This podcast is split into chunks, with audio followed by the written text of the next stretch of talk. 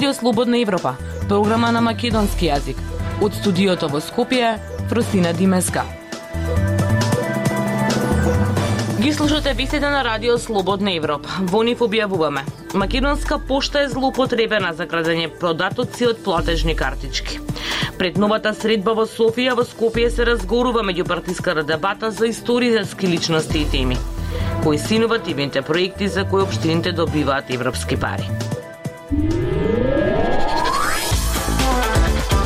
Независни вести и анализи за иднината на Македонија. На Радио Слободна Европа и слободнаевропа.мк. Преку имејл подпишан со името на Македонска пошта е направен обитот повеќе граѓани да се извлечат податоци од нивните платежни картички. Од пошта вело дека е поведена постапка во Министерството за внатрешни работи, а експертите појаснуваат дека се работи за организирана криминална група која ги доставува овие мејлови преку сервер во Русија.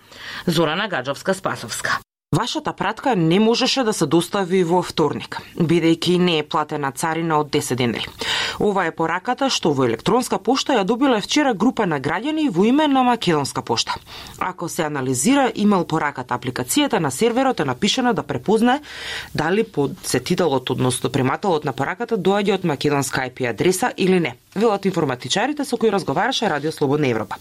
Ако е корисник на македонска електронска адреса, тогаш линкот во пораката носи конформат за наплата со платежна картичка. Доколку примателот на пораката на македонски јазик не се логира од Македонија, тогаш линкот води кон некакво онлайн радио. Серверот на кој води линкот од пораката е од Русија. Божидар Спировски, кој има повеќе од 20 годишно искуство како инженер, раководител на технички тимови тимови за информацијска безбедност, вели дека ова е класичен метод со кој се прави така наречениот фишинг на информации од корисници на платежни картички. Мислите, ова е прилично класичен метод на напад денес на, на интернет и се сведува всушност на криминал. Со тоа што денес криминалот нема, не мора да биде локален и само во рамките на една држава или на еден град или на еден стан, туку луѓе кои што се буквално на другата страна на светот можат да организираат и изведат криминален напад. Но сите сме поврзани. Од македонски пошти преку објава на социјалните мрежи велат дека јавното предпријатие не стои за ваквата објава затоа што единствено и официјално известување за достава на пратки се врши физички преку поштари.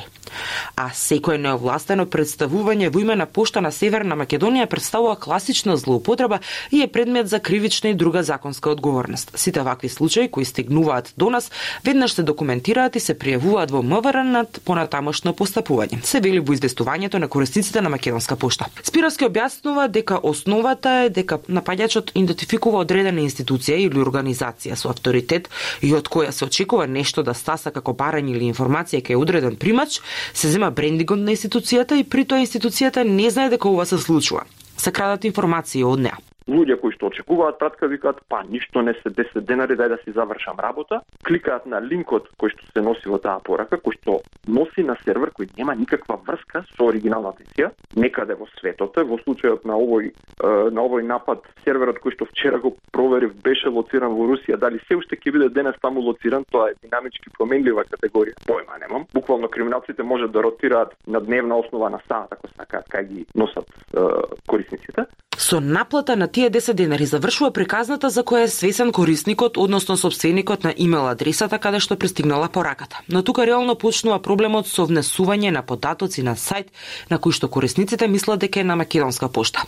Спировски предупредува дека тие податоци се најверојатно снимени и можат да бидат злоупотребени, односно да почнат да се трошат пари од таа карти за сокупување или пак се продаваат на така наречената црна берза на она што се нарекува Dark Web. Слободна Европа. Следете на на Facebook, Twitter и YouTube. Додека работните тимови се подготвуваат за нова средба во Софија, во Скопје се разгоре меѓупартиската дебата за историски личности и теми во која малку се аргументира, а многу се етикетира. Треба да има дебата, но врз основа на аргументи, велат политиколози со кои разговараше Радио Слободна Европа.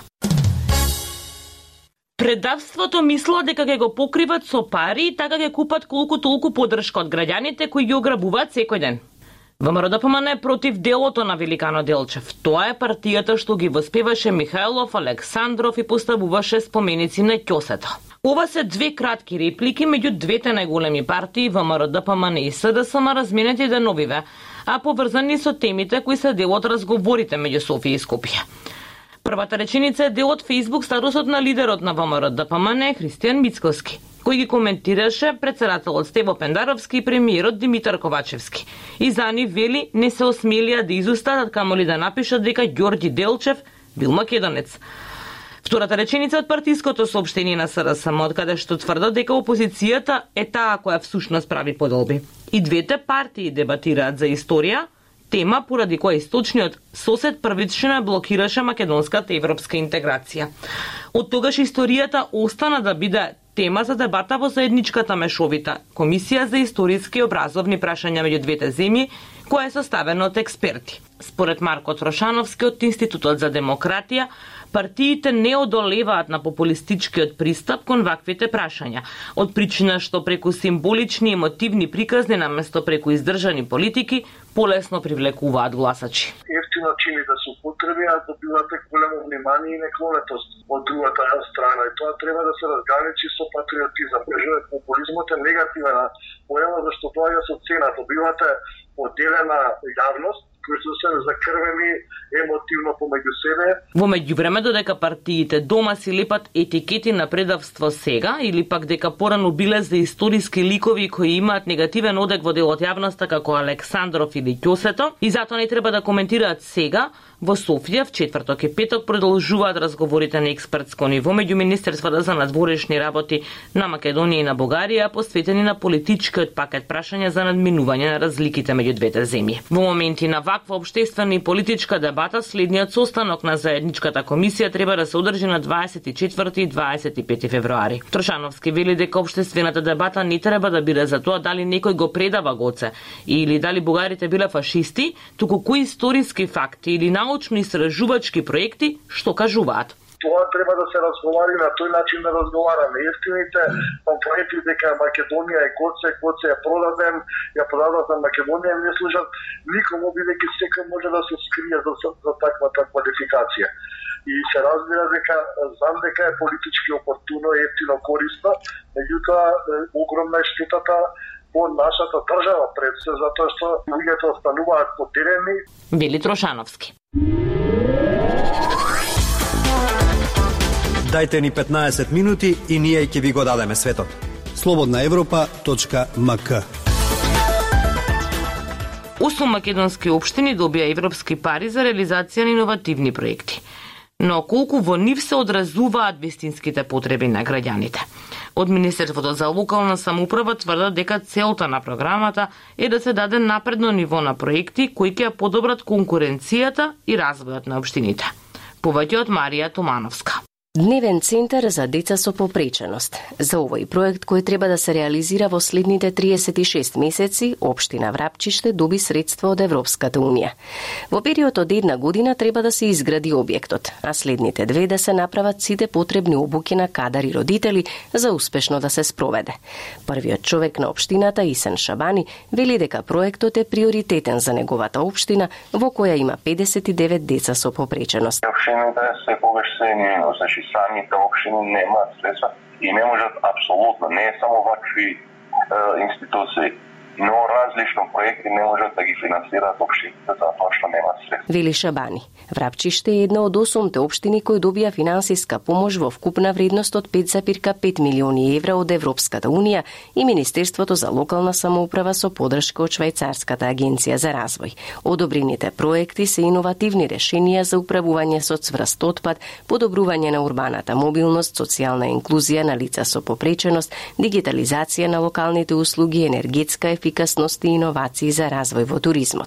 Конкретно за овој проект општината Дебар не аплицирала, но без помош од европските фондови, Светската банка, Европската банка за обнова и развој и други странски донации, тешко ги реализира проектите кои се од најголема важност за нејзините граѓани. Градоначалникот на Дебар Хеку Рандика вели дека со европска помош спровеле проекти за енергетска ефикасност и сертификација за биопроизводи. Сепак тој апелира дека инвестициите треба да бидат во приоритетните проекти, особено оние кои се суштински за граѓаните во општината. Значи готови проекти имаме, ама тие проекти коштат, на пример, еден резервоар за вода за пиење треба кошта 36 милиони денари. Тоа е капитална капитална инвестиција, ама витална за за, за нашиот град. Ајде да, да штедиме, не се штеди тука. Ние немаме вода за пиење, оди 40-50 години не е реновирано она стариот водовод вели Дука. Од Министерството за локална самоуправа која учествува во кофинансирањето на проектите со 15%, вели дека целта на програмата било да даде напредно ниво на проекти кои ќе подобрат конкуренцијата и развојот на општината. Министерот за локална самоуправа Горан Милевски се согласува во однос на забелишките за тоа кои проекти треба да бидат приоритетни и каде треба да се инвестираат парите. Не бешме вклучени во збори маце реагиравме затоа што даваме средства и би требало и нашиот збор да биде слушнат, особено што го водиме како Министерство регионалниот развој. Така меѓутоа не беше прифатено, па затоа швајцарци е денивниот дел во контрибуцијата, тие од овие 8 проекти тие ќе одлучат кои проекти ги ги кофинансираат и се направат интерна евалуација. Од делегацијата на Европската Унија се задоволни што општините покажале голем интерес за јавниот повик, затоа што во пракса две третини од средствата на Унијата за поддршка на државите се имплементираат на локално ниво. Радио Слободна Европа, светот на Македонија. Авантуристичкиот туризам е во подем во Маврово. Проектот Спелеа авантура и зип линиите во атарот на селото Велебрдо се новина во Националниот парк. Од таму јавува нашиот дописник од Дебар, Кенан Мидиновски. Во општината Маврово и ростуше главен столб на развојот е туризмот. Локалната самоуправа заедно со Националниот парк Маврово, покај другите видови на туризам, посебно внимание посветуваат и на авантуристичкиот туризам. Во управата на Националниот парк велат дека авантуристичкиот туризам е во подем, затоа се реализираат и проекти кои се поддржани и од меѓународни организации. Проектот Спелео авантурите голема шанса за авантуристички туризам е финансиран од невладината организација Паркови Динариди, а спроведуван јавната установа Национален парк Маврово. Прва работа што беше направена со овој проект, изработена беше студија за пештерата Шаркова дупка од Спелеолошката Федерација на Македонија. Пештерата Шаркова дупка се наоѓа на надморска висина од 1294 метри на влезот со просечна температура од 5,8 степени Целзиусови. Се наоѓа во Маврово и е многу е, прикладна за посета. Таа се карактеризира со голема разновидност на пештерски украси, сливови, сталактити, сталагмити, столбови и корали, а според студијата за ревалоризација, главно се среќава малиот подковичар. Вели директорот на Националниот парк Маврово Сами Рајдини. Тој додава дека се е поголем бројот на домашни странски туристи кои се заинтересирани за авантуристичкиот туризам. Затоа се зголемува бројот на проекти за овој туризам. Вториот проект, реализиран во соработка со Германското друштво за меѓународна соработка, е авантуристички парк и зип линија во местото викано Горна Ледина. Ова е место што се наоѓа во атарот на село Велебардо на надморска височина од 1160 метри. Овој локалитет е оддалечен 1800 метри од локалниот пат кон Битуше. Во моментов има пристапен земјен пат кој за краток период во соработка со општина Маврово и Ростуше ќе се асфалтира. Проектот се состои од 170 метри долга надземна патека, составена од 13 различни етапи. Ова е надополнето со 80 метарска зип линија и уште една 50 метарска детска зип линија. Во Националниот парк информираат дека има најави за пристигнување на голем број на странски туристи кои наредните месеци доаѓаат токму во Маврово за да уживаат во авантуристичкиот туризам.